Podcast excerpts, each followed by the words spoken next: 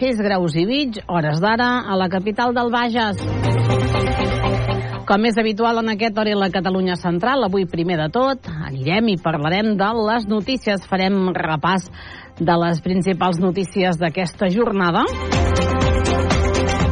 Com tots els dilluns, nosaltres avui coneixerem en profunditat una personalitat, un, persona, un personatge, una personalitat de casa nostra. Avui parlarem de llibres, parlarem de, llibretí, de, llibre, de llibres, sobretot infantils i juvenil. I és que el nostre convidat d'avui és el responsable de la Biblioteca Infantil i Juvenil del Casino de Manresa. A banda, és escriptor, escriu contes, escriu també llibres de poemes.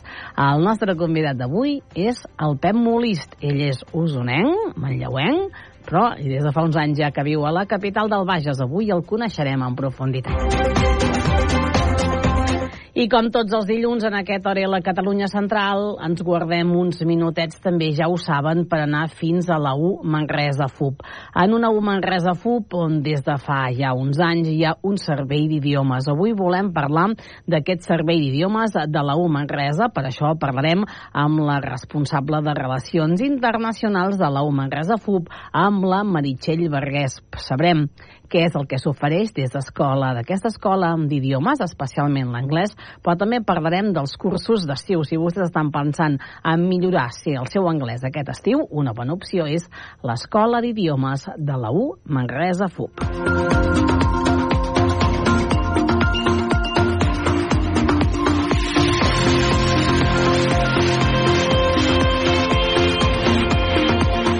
Els anem a fer un petit repàs a les notícies d'actualitat d'aquesta jornada.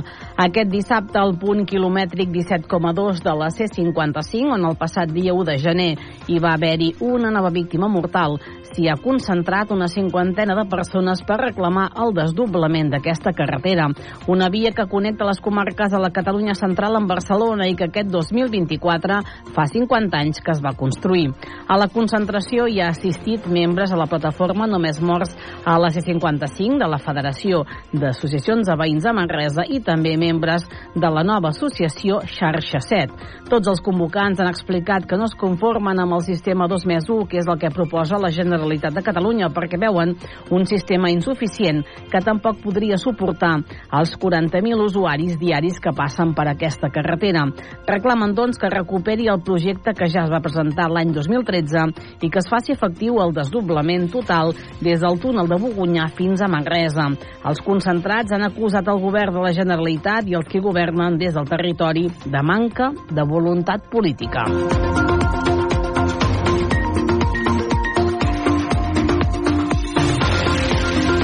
Aquest diumenge ha obert portes al refugi antiaeri de la Renaixença de Manresa, un refugi que va ser testimoni dels bombardeigs que es van produir a la capital del Bages al desembre de l'any 38 i al gener del 39, en plena Guerra Civil Espanyola. A la capital del Bages hi van haver-hi fins a 15 refugis antiaeris construïts perquè els civils es poguessin protegir d'aquests atacs. Tot i això, a Manresa els bombardeigs van acabar amb la vida de 35 persones, dos soldats i 33 civils civils. La gran majoria de morts van ser població civil per culpa de la precària precisió tècnica d'aquests bombardeigs i també perquè s'atacaven zones que estaven lluny dels fronts de combat. Després de molts dies d'assajos, finalment aquest cap de setmana s'ha estrenat una nova edició de La Innocentada, aquest sobre Roca 13. Com cada any l'equip que organitza aquest espectacle es reinventa i enguany ha estrenat aquesta obra. L'argument tracta sobre una comunitat de veïns que veu com arriben uns ocupes al seu edifici i a partir d'aquí comença una discussió hilarant entre els veïns sobre si els han de fer fora o no. Un tema molt d'actualitat també Manresa, però que els creadors ho han volgut explicar de forma totalment humorística. Un dels trets diferencials de la Innocentada és l'humor, però també la incorporació de coreografies amb escenes. Vuit ballarins dalt de l'escenari han complementat una obra entretinguda i àgil que ha arrencat la rialla dels espectadors que han omplert aquest cap de setmana al Teatre Conservatori de Manresa. La pastisseria El Signe i l'Escola d'Hoteleria Joviat de Manresa es troben entre els premiats a la setena edició de la Mostra Internacional de Pastisseria que s'ha celebrat a Sant Vicenç dels Horts. I important victòria la d'aquest cap de setmana del Baxi Manresa davant del Palència, a casa del Palència, i derrota del Centre d'Esports Manresa. Ens anem per les portades. Comencem amb el que explica el diari Regió 7. La corrida avala la llei de benestar animal, però tem pel futur de la festa, aquesta festa que s'ha celebrat aquest cap de setmana a Porreig. També explica el diari en portada que la Generalitat preveu que Catalunya entri en emergència per sequera la setmana vinent. Ens en anem a l'equip Berguedà. Els expulsats del Tossat acusen la Federació Catalana de Natació de dir mentides i diuen que la veritat prevaldrà. Berga té hores d'ara, diu l'equip Berguedà, 760 pisos buits i 364 més que gairebé no es fan servir. El Nació Digital Solsona parla que la festa de Sant Antoni presenta els pandonistes de l'any 2025. I acabem aquest repàs anant fins la comarca de la Noia, sabent que publica l'infonoia.cat, que diuen que diumenge se celebra la 18a edició de la Duatló Ciutat d'Igualada. Poques novetats meteorològiques per aquesta jornada de dilluns i el que ens espera és sol, tant matí com tarda. Les màximes avui que vorejaran o poden vorejar els 14 graus de temperatura a la Catalunya central.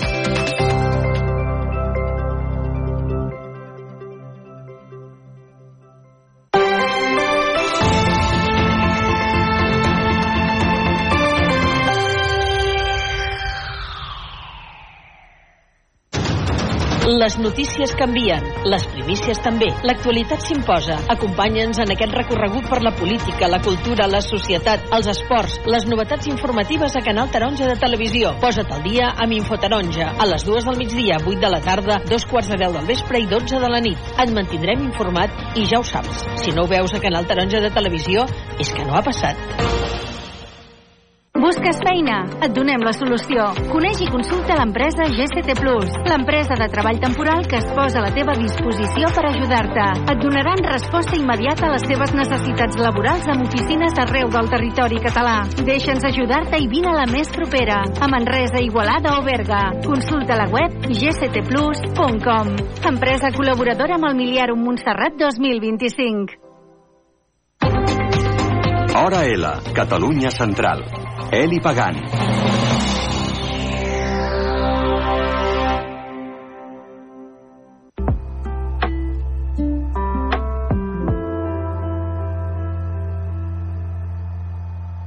Avui parlarem de llibres i de literatura. Farem especial referència a la literatura i als llibres infantils, també juvenil. El nostre convidat d'avui és el responsable de la Biblioteca Infantil del Casino, d'aquí casa nostra, de Manresa. Ell també és escriptor, és crític literari. Hem convidat en aquest programa d'avui el Pep Molist, a qui li donem la benvinguda. Pep, gràcies per ser avui aquí. Moltes gràcies a vosaltres. Repassarem trajectòria si tothom passa per la biblioteca del casino, va per la part, de, de la part infantil de la, i juvenil de la biblioteca, ha vist el Pep Molis, però el Pep també és escriptor, potser algú es deu pensar, el Pep és manresà. No. Pep, no, no ets de, vius aquí a Manresa, després parlarem de les circumstàncies que també t'han portat a viure aquí a la capital del Bages, però ets d'Osona, ets de Manlleu. Sí, sóc de Manlleu, tot i que des dels 19 anys que vaig marxar a estudiar a Barcelona ja no hi he tornat a viure, no? I tinc encara la mare, però però bàsicament des de llavors que sóc fora, no? Però d'alguna forma el lloc on has viscut la infantesa i la joventut sempre ho portes a sobre, no? Et sents d'allà, tot i que ja fa molts anys que visc a Manresa i em sento també manresà, no? Com va ser la infantesa a Manlleu del Pep Mulis? No sé, els que som mm. de poblets, sí. molta, molta vida al carrer, molts jocs a fora, no sé si Pep també és el cas. Sí, uh, jo de la infantesa sempre n'he estat molt orgullós. Penso que vaig tenir una infantesa feliç, que és que per una persona és, és un, una dada clau, no? Que, que penso que quan veus un nen que no és feliç, doncs, doncs a mi és una de les coses que em posa més trist, trista del món, no? Llavors jo eh, sempre m'he considerat un nen del carrer. Bueno, jo vivia a Manlleu, era un, un poble que vivia doncs, de, de les empreses tèxtils al voltant del Ter, com aquí al Bages, doncs, al costat del Llobregat, i llavors els meus pares treballaven a la fàbrica era un poble amb molta gent doncs, que treballava a les fàbriques no? i vivíem en un barri doncs, de cases unifamiliars, cases barates i que tot eren famílies de l'edat dels meus pares hi havia molta callalla, però molta, no? I jugàvem al carrer, que era continu, no? Llavors era una infantesa doncs, que, que contínuament eres a fora, que tenies molts amics, molts companys, i la veritat és que, que molt orgullós d'aquesta infantesa, no? Que... Uh, Pep, i la lectura? És a dir, no sé sí. si el llegies molt ja de petit, clar, a vegades dius la infantesa marca també sí. molt la trajectòria, o no és el cas? No és ben bé el cas. Sí que llegia, però era una cosa de més a més, era una cosa puntual, no? Uh, en aquella època, a les cases, i sobretot en, en el tipus de família que jo pertanyia, no, no hi havia gaires llibres a les cases. Bé, hi havia els llibres que donaven a les caixes, que, que tots teníem els mateixos, i que aquests llibres me'ls sabia gairebé de memòria, no? Uh, jo sobretot era un nen que jugava molt, que jugava molt a fora i, i que de tant en tant llegia. Quan passava èpoques allò que estaves malalt, doncs, per, per exemple, llegia. I a Manlleu doncs, vaig tenir la casualitat i la sort doncs, de tenir, tenir com a veïna la bibliotecària del meu poble, que això d'alguna manera em va obrir una finestra, no? I jo era molt amic amb el, amb el seu fill i, per exemple, la biblioteca era un món doncs, que, que existia, no? Que hi anaves de tant en tant, que, que el tenies a mà, no? I a, això doncs, va ser una finestra, però en aquells moments no era un infant que fos lector, no? Era, la lectura era una cosa més, però no era, no era un element allò important, no? Va ser a partir de l'institut que, que vaig tenir una mestra de, de llengua, una mestra molt bona, que ens, amb la qual fèiem lectures obligatòries, amb la qual fèiem dictats cada dia, llegíem en, en veu alta, que, que aquí vaig descobrir la lectura i potser va ser als 14-15 anys, que, que va ser quan vaig començar a llegir, i no he parat de llegir, ara necessito anar tot arreu amb un llibre a la, a la motxilla, no? De fet, ho hem vist, eh? Perquè l'hem fet esperar una mica el Pep abans d'entrar i eh, ja treia el, el llibre, eh? Llavors, sí. aprofites. Sí. sí, sí, però de, des de llavors no ho he deixat, no? Llavors penso que que, que necessito tenir un llibre a mà per, per anar llegint, no? i sobretot en llocs on t'has d'esperar, a vegades si has d'agafar un mitjà de transport o has d'anar al dentista, al metge, llocs d'aquests, tenir un llibre va molt bé, perquè si no tens un llibre a vegades també et, et, et, et posa molta pressió, et poses nerviós i en sí canvi amb un llibre et trasllades a un altre món i l'espera es fa molt més, molt, molt més plaent. Primer estudies a, Manlleu, sí, Pep, com va això? estudio fins a l'Institut a Manlleu, és una època que també una de les coses que, que en aquells moments més faig és que abans d'arribar a l'institut començo a fer atletisme, és una de les coses que em marca més en aquella època.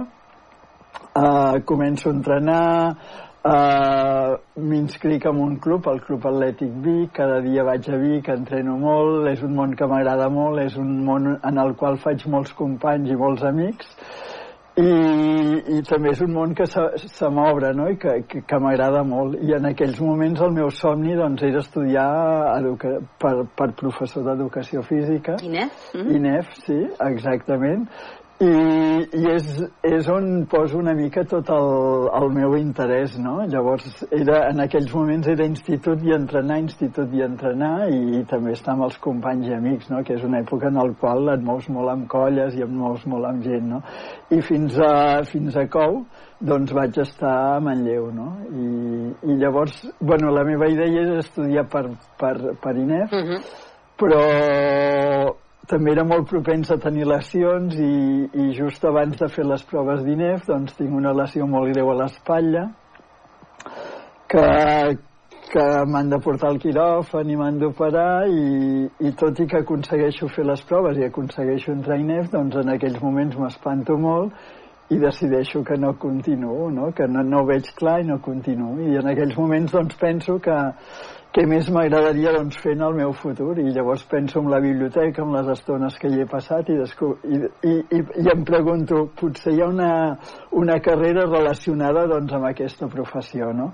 i decideixo estudiar biblioteconomia i documentació i me'n vaig a Barcelona doncs, a fer aquesta carrera i això porta la meva trajectòria que en aquells moments era molt fixada en un, en un tema doncs porta la trajectòria cap, una, cap a un altre cantó no? Va costar molt fer aquesta decisió, ho dic perquè no sé com, amb una sí. persona que, que en aquest cas sí. eh, volies fer INEF uh, t'agradava molt l'atletisme que arribi doncs una lesió, una lesió sí. greu i que et faci doncs a replantejar-te sí. tota la teva, més el teu que, futur. Sí, més que costar-me va ser una, bueno, un moment de desesperació, no? que dius, ostres, no, no ho veig clar, no? Bueno, veia que contínuament em passaven coses, doncs entrenant i tal, i, i em vaig, em, no sé, em vaig espantar tant i vaig dir, ostres, la lectura també m'agrada molt, tot i que la, la, la carrera de biblioteconomia no és una carrera... bueno, tots l'associem la, molt en el, en el món de la lectura, no? Però en el fons és una carrera o una professió relacionada amb el tractament i la gestió de la informació, no? Llavors, pots venir de qualsevol branca, sigui científica, sigui de lletres, i, i pots fer aquesta carrera, perquè en el fons el que fas és, és gestionar aquesta informació, no? I jo, jo la relacionava molt amb la lectura i vaig dir, ostres, aquest món a mi també m'agrada molt, doncs cap aquí. I la veritat és que no me n'empenedeixo gens ni mica, no? Perquè he continuat fent, fent esport a nivell d'afeccionat, i, i, i aquesta professió doncs m'ha donat molt, m'ha obert moltes portes, m'ha obert molt, molts mons interessantíssims que m'hi he anat ficant, he anat gratant i he anat aprofundint, no? Que, que una mica. Quan acabes la, la carrera, sí. on vas? És, és fàcil? Sí. Va ser, et va ser fàcil uh, trobar sí. feina? No sé si... Sí, no, no em va ser gens dificultós. La veritat és que durant la carrera doncs, vaig, uh, vaig aconseguir una beca, ja vaig durant la carrera els dos... Era una carrera de tres anys, els dos últims anys vaig treballar com a becari en una biblioteca a la universitat. I llavors en sortir doncs amb, la casualitat va fer que un company de, de la carrera doncs em digués que, que Balaguer doncs hi havia una plaça en una biblioteca doncs, per infants, bueno, en una secció infantil d'una biblioteca i jo, Balaguer, i a les terres de Lleida no hi tenia res, però, però estava en un moment de la vida que, que, que res em lligava, no? I vaig decidir, doncs, man, i em vaig, no? I acabo, me'n vaig, em, a, aconsegueixo aquesta plaça de manera interina i m'estic a Balaguer quatre anys, no? I vaig tenir la sort de, de treballar amb una persona molt activa, molt ficada en el tema, que també li agradava molt el, aquesta professió i això d'alguna manera penso que en el, en el moment que comences coincidir amb gent que, que està motivadíssima doncs, per allò que tu estàs fent, això eh, és tot un gran què, no? I, i això em va, em va ajudar moltíssim. I una de les coses que em va ajudar és que a Balaguer vaig coincidir amb un grup de gent que, que vam decidir doncs, proposar al diari, el diari Segre de Lleida, doncs, fer unes pàgines de comentaris de llibres que sortien cada diumenge, no? I això era una feinada immensa, una feinada sense cobrar un duro, que fèiem absolutament per amor a l'art, però a nivell de, de, de llegir, de, de, de criticar, d'escriure, això era una pràctica immensa, no? I això em va portar, doncs, a, a llegir molt, a escriure molt, i, i anar, doncs, a, no sé, direccionant la meva trajectòria doncs, cap a altres mons que estaven relacionats amb, amb la feina que feia. Aquí és no? quan descobreixes la literatura infantil i juvenil, podríem dir-ho així aquí, a Balaguer, sí. quan, quan arribes a, sí, sí, sí. aquí? Uh, D'alguna manera jo era lector, però per exemple no havia estat mai lector de literatura infantil, o molt poc, no? Llavors aquí, doncs, pel meu tarannà, suposo, em recomanen per la biblioteca infantil. Jo no havia treballat mai amb nens ni amb llibres infantils, però dius, bé, doncs estic aquí, m'hi fico. I, I penso que quan, bueno, com a bibliotecari, tu vens un producte, que són llibres i llibres infantils, i has de vendre amb els nens, no? Llavors jo penso, penso que per vendre un producte l'has de conèixer. Tu no pots estar en una botiga de llegums i no conèixer les classes de llegums, Exacte. no? Doncs el mateix, no?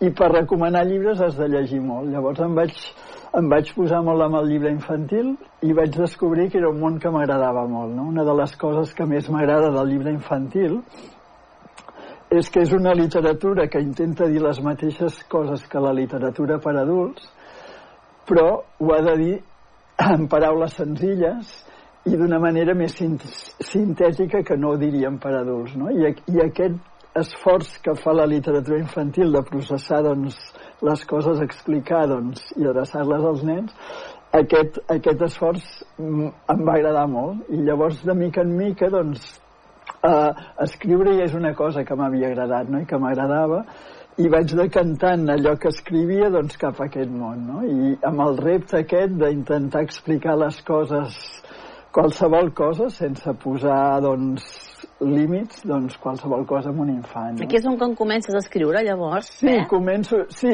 jo, jo havia escrit abans, bueno, quan era jove havia, havia escrit poesia, havia escrit, per exemple, en una revista en les quals fèiem cròniques de les curses d'atletisme, començo a escriure al Segre, doncs, aquests comentaris de llibres, i llavors em poso, doncs, a escriure alguna cosa de ficció, no? I començo doncs a fer els primers intents no? i llavors durant uns anys ho vaig provant i fins que un dia doncs amb una editorial obren una col·lecció de contes nova i demanen originals, em presento un i em publiquen un conte per nens molt petits. Es deia? El ten que fa xup-xup, que és el primer llibre que em van editar, no? I llavors a partir d'aquí doncs, doncs vaig escrivint no? els principis d'escriure de, són molt difícils bueno, per mi i per tothom no? el fet de que el teu nom no sona gens que tu fas textos i que els envies a les editorials i les editorials en molts casos ni et contesten ni et diuen res no? llavors per exemple el primer llibre que em van editar i el segon van passar sis anys no? que, que és un món difícil, el món de l'edició, no? Llavors és... Uh, jo tenia molt clar que és un món que m'agradava i, i ho anava intentant, no? I, per exemple, una de les coses que més em va ajudar és que, bueno, quan tu escrius i, per exemple, passes textos a amics o companys, tothom et diu que ho fas molt bé, que, allò, ah. que allò és meravellós. La, la crítica és més difícil de trobar-la. Sí, no? I no hi ha ningú que s'atreveixi a dir-te que allò, allò que fas doncs, no val res, o per exemple li falta doncs, bullir una mica més, no? I una de les coses que em va ajudar més és a fer dos, dos cursos a l'Escola d'Escriptura de l'Ateneu Barcelonès, que és una escola que, que en aquells moments començava, i que ara doncs, porta molts anys i molts escriptors s'han format allà, no?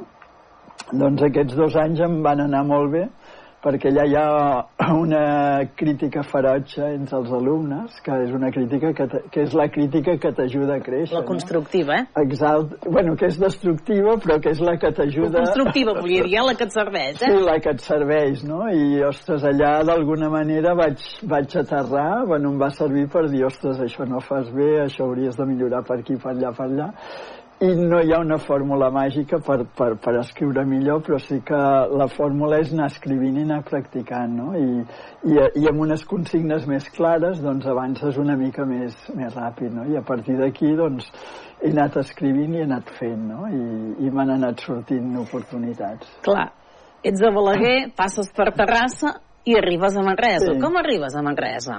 Sí, uh, sí, jo vaig estar quatre anys a Balaguer, després hi havia una plaça a Terrassa, vaig estar-m'hi 12 anys, i, però jo, jo uh, no sé, a partir del segon o tercer any que estava a Terrassa ja feia temps que, que havia conegut una noia de Manresa, i, i que havíem establert una relació i quan vaig començar a treballar a Terrassa al cap de poc doncs ja vaig venir a viure aquí a Manresa que i llavors doncs el que passa que doncs, les places de bibliotecari no és difícil doncs, entrar en un lloc o fer trasllats amunt i avall i vaig anar seguint a Terrassa i estava molt bé però té, té, té el factor doncs, que has d'anar amunt i avall no?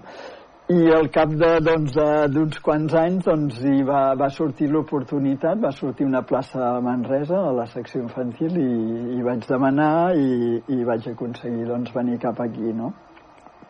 I ara la veritat és que és un luxe treballar a Manresa, bueno, primer perquè ho tens a prop de casa, tens a casa eh? i això, i això no, no, no m'havia passat mai, i en, en segon lloc perquè treballes amb, bueno, treballes, eh, et relaciones amb, amb gent que ve a la biblioteca, però gent que viu en el lloc on tu, on tu vius, no? I això és un plus, no?, en el fons.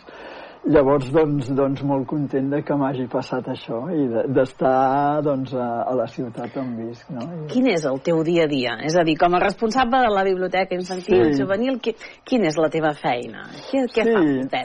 Ah, què fa? Bueno, en la majoria de vegades bueno, hi, hi ha uns... Uh, hi ha un, una part de la feina que és a porta oberta, que llavors el que fas atendre eh, a la gent, no? En tots els en sentits et demanen informació, on pot trobar aquesta informació, et demanen que els recomanis llibres, que, que aquesta és una de les feines més apassionants que tenim, el fet de d'intentar descobrir la trajectòria lectora d'aquella persona que t'ho demana i intentar respondre doncs, el més precís possible doncs, a les preguntes relacionades amb això. No?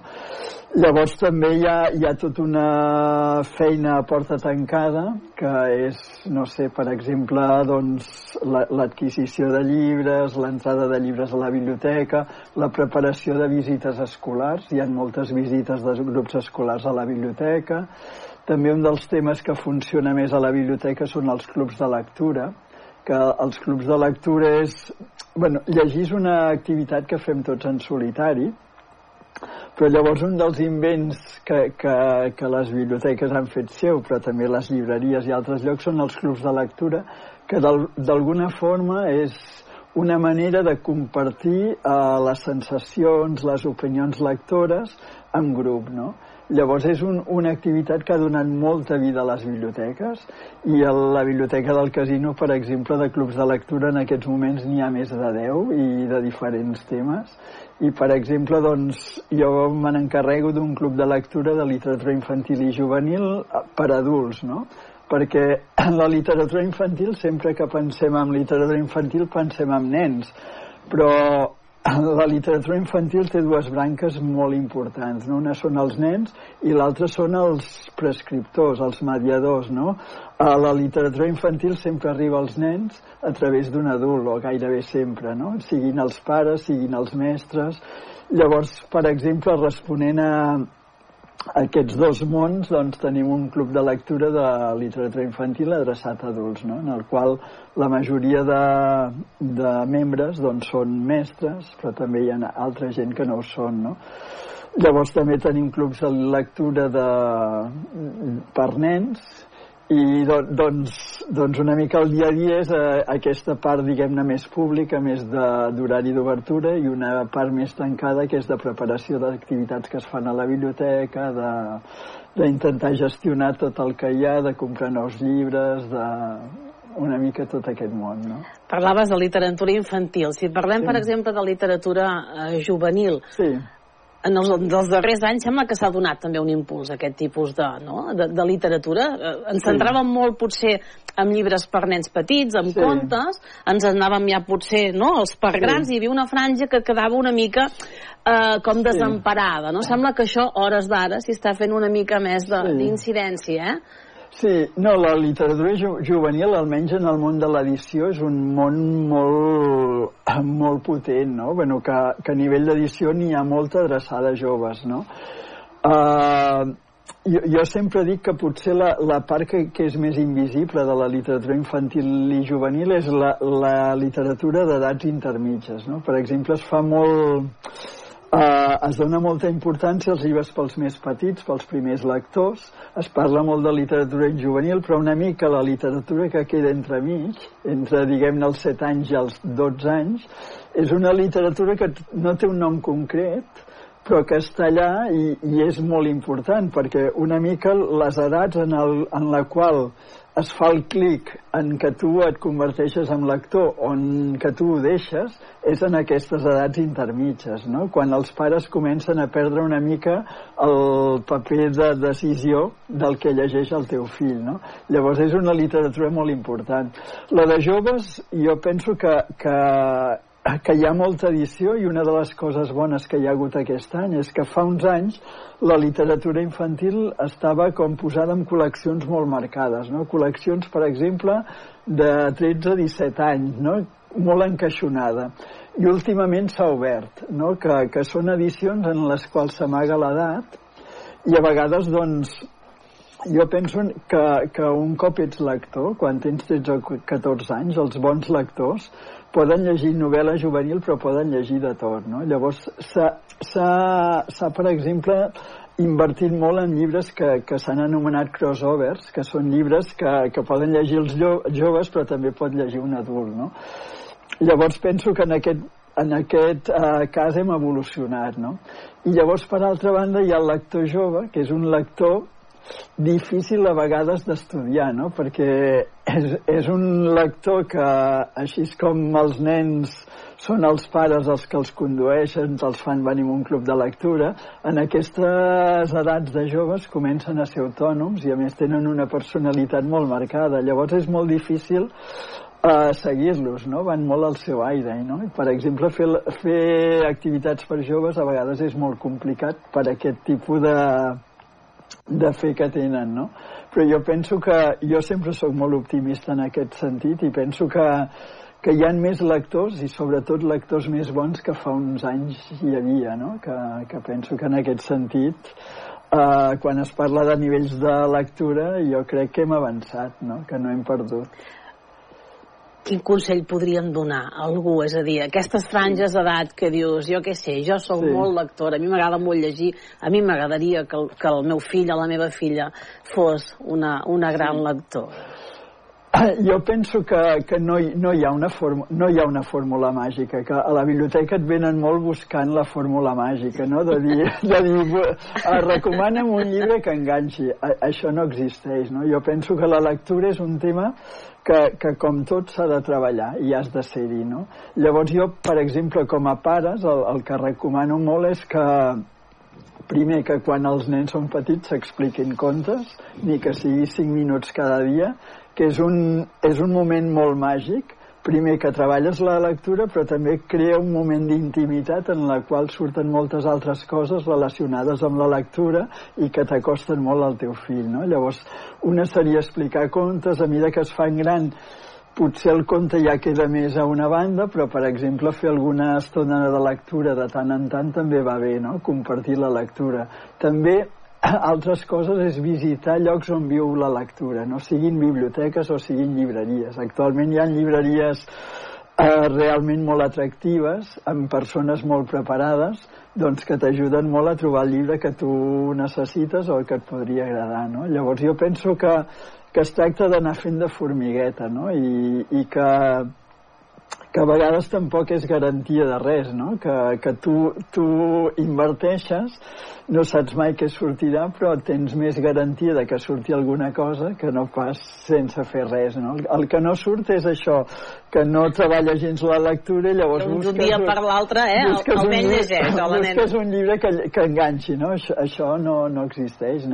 La lectura necessita una part activa, una part d'esforç, no? I si no hi és, doncs no, no surt res, no? no? No és una cosa que tu et posis de manera passiva i passi, no? Sinó que, al contrari, has de fer alguna cosa, no? Llavors, hem de fer petites inversions per tal que un nen es converteixi en lector, no? Ens queden uns quatre minutets per acabar, sí. Pep. Uh, treballes en algun llibre, en algun conte ara especialment? algun projecte al cap? Sí, en aquests moments estic treballant, els últims temps m'ha agafat molt per la poesia, és un gènere en el qual m'hi sento molt a gust la manera de treballar i estic treballant ara amb això, però per exemple aquest, aquest 2024 tinc un projecte que em feia molta il·lusió, que és que al setembre apareixerà una novel·la a mi la novel·la és un gènere que sempre m'ha costat. Jo sóc més d'escriure curt que escriure llarg, uh -huh. llavors m'agrada més el conte o la poesia, en, en aquest sentit, però des de fa uns anys eh, també m'he ficat amb la novel·la, m'he obligat una mica doncs, a escriure novel·la, i al setembre apareix una novel·la que es diu La locomotora i jo, que és, eh, que és una mica una novel·la que, que me la sento molt a flor de pell perquè és una novel·la que explica la vida d'un atleta, d'un atleta txec que és l'Emil Satopek, que va viure als anys 60-70, bueno, va ser quan va, va tenir més èxit i a través d'explicar la seva vida explico també la, la meva vida relacionada en el món de l'esport, no? Llavors és com una novel·la molt una mica autobiogràfica eh, una mica desquillada, però és un llibre que em fa molta il·lusió, més apareixerà en una col·lecció que es diu L'Arca, de l'editorial Anima Llibres, que és una col·lecció que els llibres estan molt ben editats i en la qual el, realment el, el catàleg de gent que hi edita és, és realment molt bo, no? I per tant estic molt orgullós i, i moltes ganes que arribi el moment. Ah, que aquest l'has sentit molt teu, eh? Sí, sí, sí. No, no, m'ha costat molt temps d'elaboració, sí. que és un llibre que, que vaig començar potser el 2019 i he estat com 3 o 4 anys doncs anar, anar fent i anar avançant, no? Pep, ens queda un minutet. Qui ha de tenir un bon conte? Qui ha de tenir? Per mi, eh, per mi ha de ser sintètic, essencial, no hi ha de sobrar res, i tot, tot el que hi ha ha de ser necessari, i bàsicament el principal és que t'expliqui una història, que vagi amb tu o no vagi amb tu, t'atrapi i et faci avançar fins al final. Pepa, continua treballant molt? Moltes gràcies. Fàcil trobar-lo, perquè a la biblioteca del casino ja ho veuen amb aquesta passió amb la que parla, segur que els recomana un bon llibre. Pep, moltes gràcies per venir. Moltes gràcies a vosaltres. Fins la propera. Un plaer.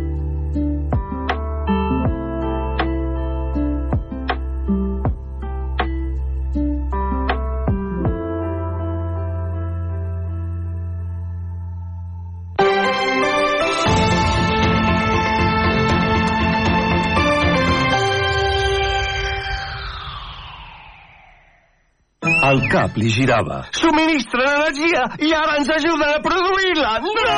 Doncs sí, i es diu autoconsum.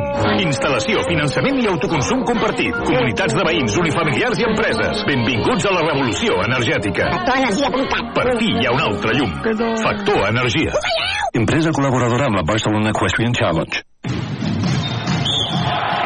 Bàsquet a Ràdio Manresa. L'equip encapçalat per Carles Coder i Josep Vidal t'ho expliquen tot el detall, amb prèvies, narracions, entrevistes i anàlisi de cada partit. 95.8 FM, radiomanresa.cat i aplicacions per iOS i Android. Aquest dissabte, a partir d'un quart de nou del vespre, Baxi Manresa, Rio Breogan.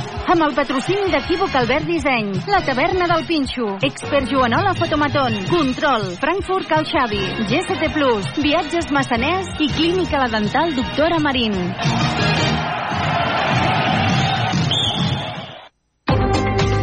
Hora L, Catalunya Central. Eli Pagant.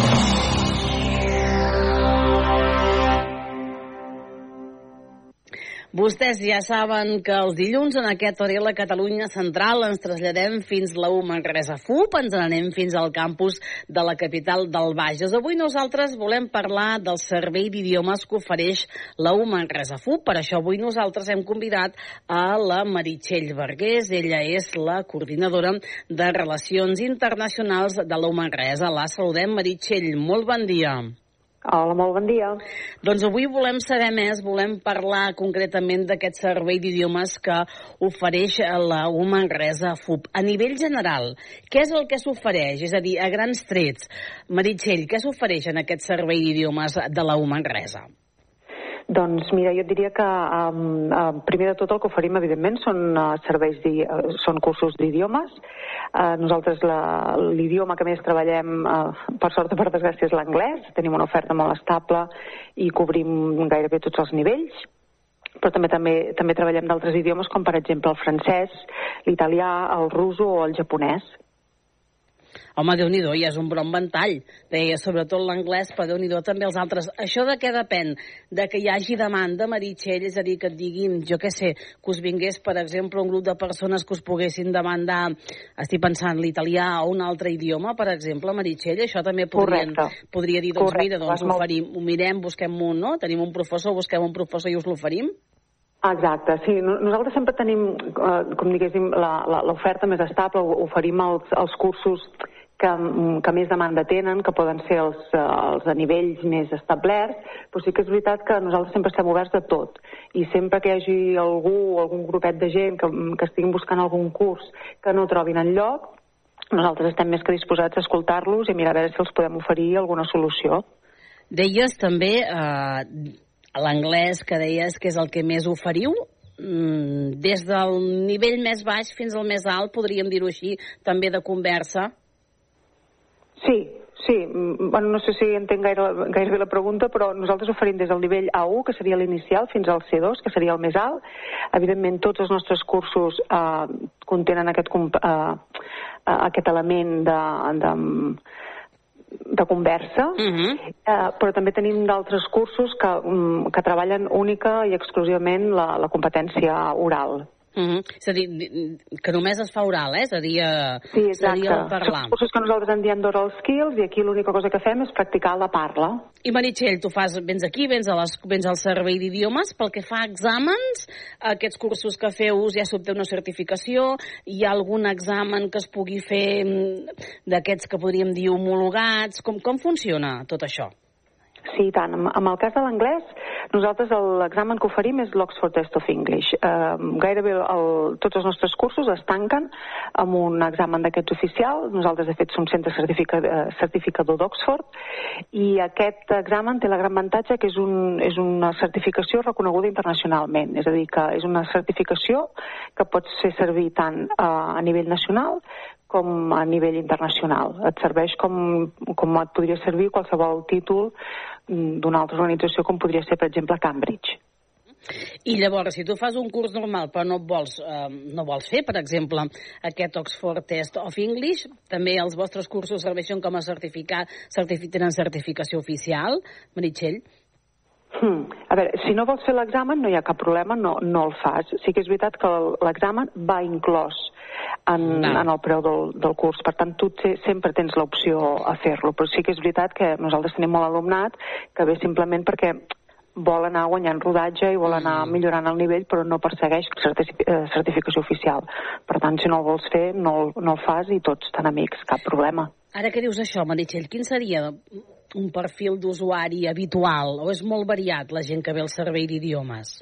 Sí, la veritat és que nosaltres tenim un ventall bastant ampli d'alumnes. Tenim des de alumnat d'aquí la mateixa universitat fins a, a, a gent de fora del campus, gent que treballa o gent fins i tot um, que ja no treballa, que està jubilada i que ara té temps de, de dedicar-se a fer coses que fins ara no havia pogut fer.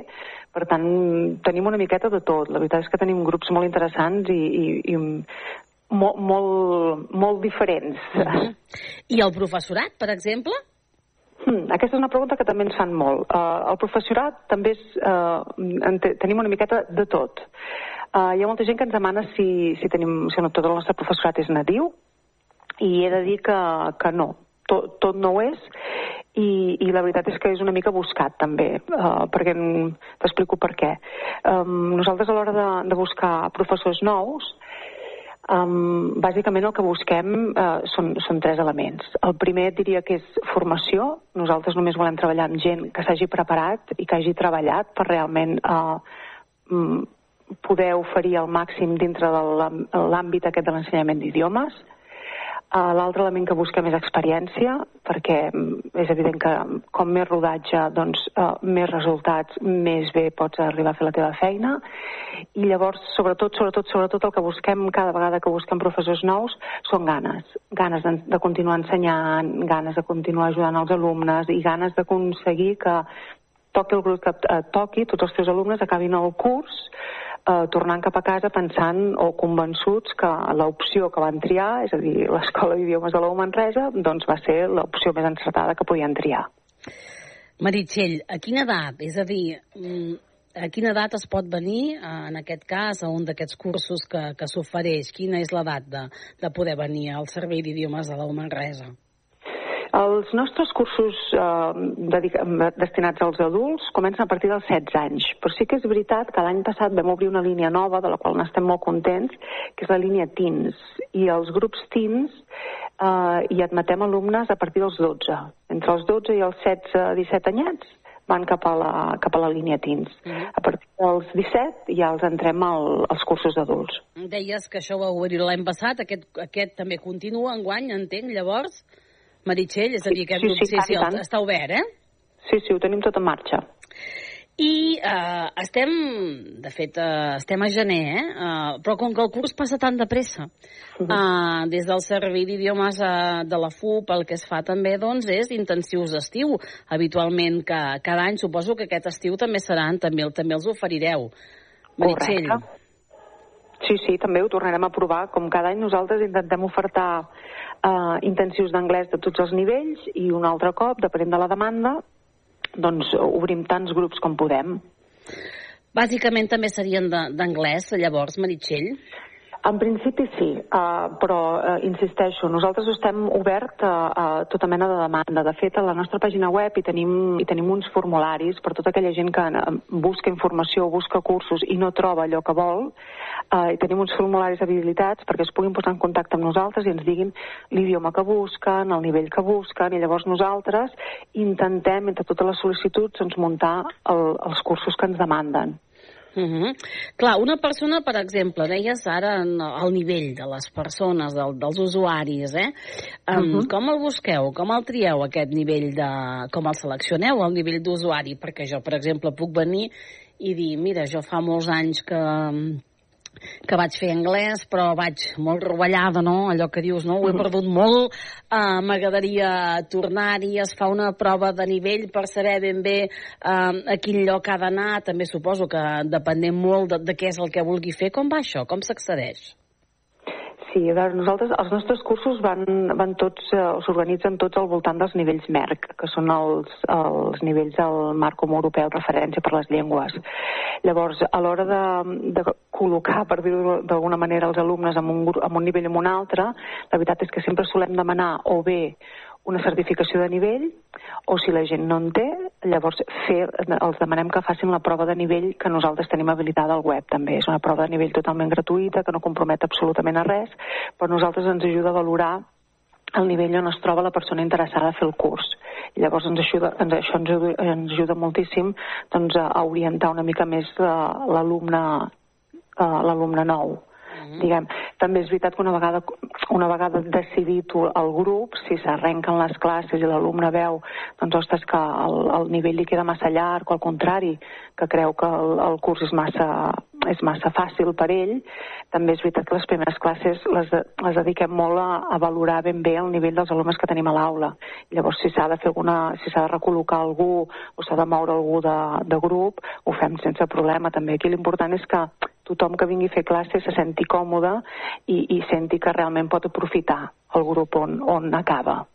Clar, perquè algú pot dir mm, o jo en tinc molt més del que potser té, o al revés, algú que pot dir, ui, jo vaig molt malament, Correcte. no? i llavors pot, no, pot anar, podria anar, potser, per exemple, també en un grup diferent. Llavors la prova de nivell ajuda a saber no, a quin grup més o menys pot, es pot posar la persona. Ah. Correcte, el que passa que la, el, les proves de nivell sí que tenen un petit desavantatge i és que no són, no, no són complertes, per tant no deixa de ser un, un, una orientació, vull dir, en una prova de nivell, per exemple, no mirem habilitats com són l'espeaking o el writing, o sigui, és, és una prova que valora molt el, el contingut gramatical, Uh, i els coneixements de vocabulari, però no ens dona una visió completa del coneixement de l'alumne. Llavors, sí que és veritat que la, la prova de nivell ens pot donar un nivell X o, o Y, però fins que no tenim l'alumne a l'aula i fins que no hi podem interactuar durant un parell o tres sessions, doncs ben bé no ens fem la idea del nivell real d'aquesta persona.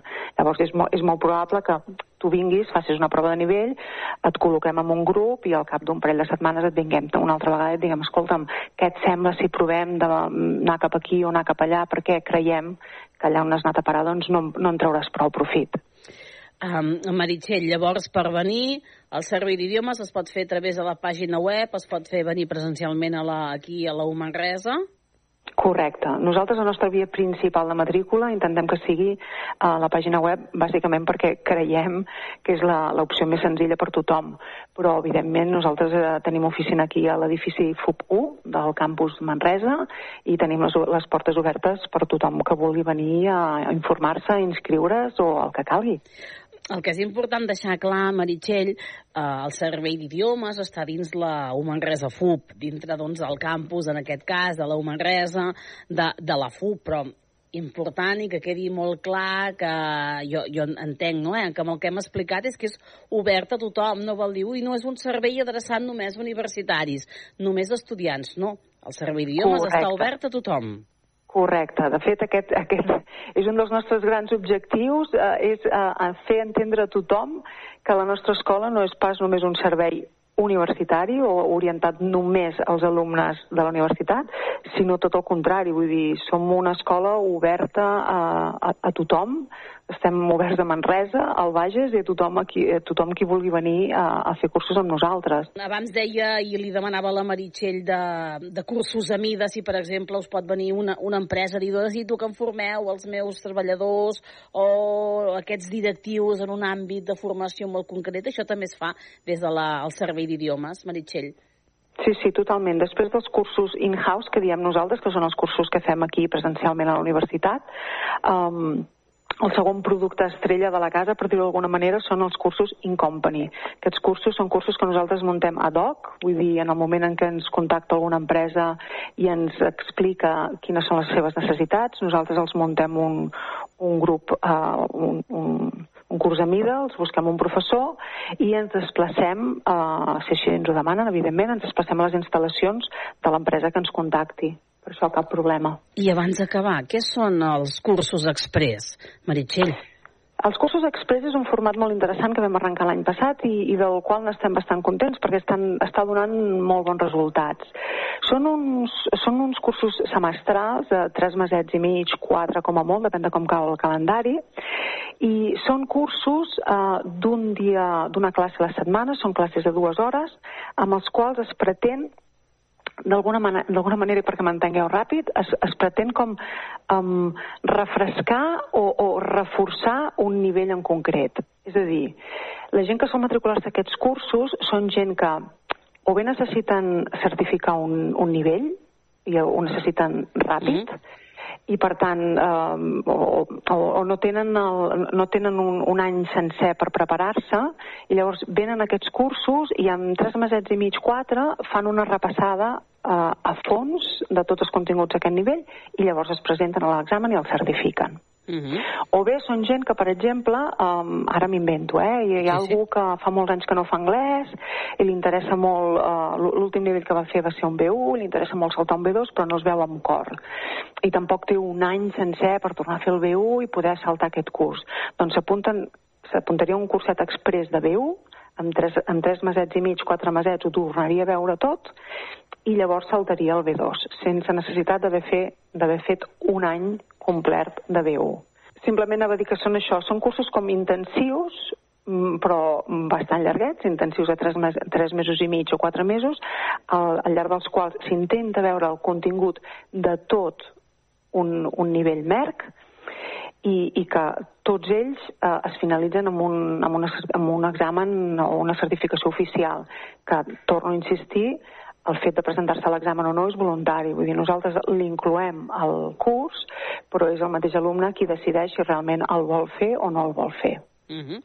Doncs com veuen, l'oferta formativa que s'ofereix a l'Escola d'Idiomes de l'Humanresa FUP és molt àmplia, és molt variada i és per tothom. Avui li agraïm molt a la Meritxell Vergués, ella és coordinadora de Relacions Internacionals de la Humanresa FUP, que ens hagi volgut acompanyar en aquest hora a la Catalunya Central. Meritxell, moltes gràcies. Moltíssimes gràcies a vosaltres per l'estoneta. I molt bon dia.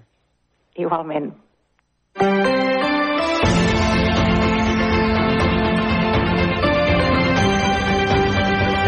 Hora L, Catalunya Central.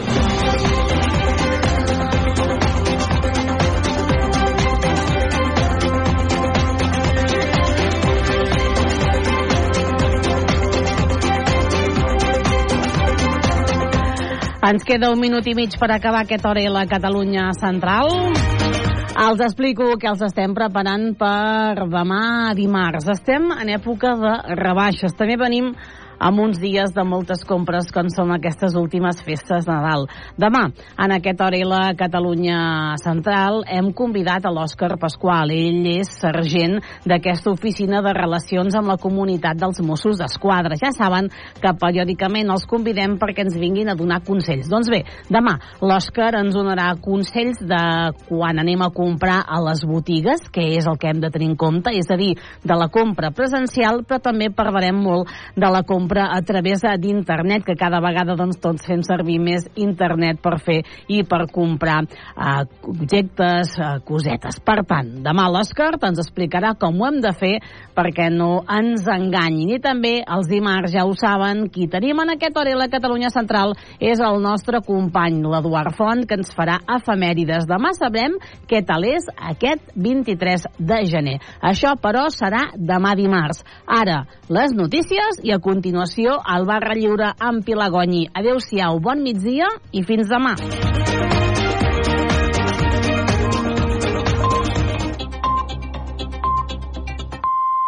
Es la una, las doce en Canarias.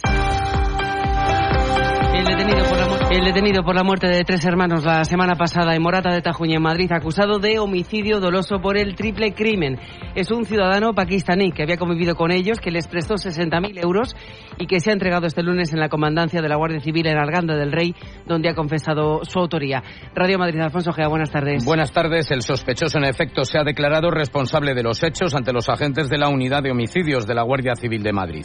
En la pasada madrugada se entregaba voluntariamente en las instalaciones de la Benemérita en la localidad madrileña de Arganda del Rey, donde reside esta persona. Esta misma tarde está previsto que los agentes realicen una entrada y registro en la casa de este hombre de nacionalidad pakistaní para localizar más indicios y pruebas de este triple asesinato. El detenido ya agredió en febrero del año pasado a una de las dos hermanas, por lo que fue condenado a dos años por lesiones. Como no tenía antecedentes y además reconoció los hechos, se suspendió la ejecución de la pena. Esa agresión vino motivada por un préstamo de 60.000 euros a las dos hermanas, dinero que jamás se reintegró. En Oriente Próximo, los ataques de Israel en Can dejan al borde del colapso al mayor hospital de la franja que todavía sigue funcionando.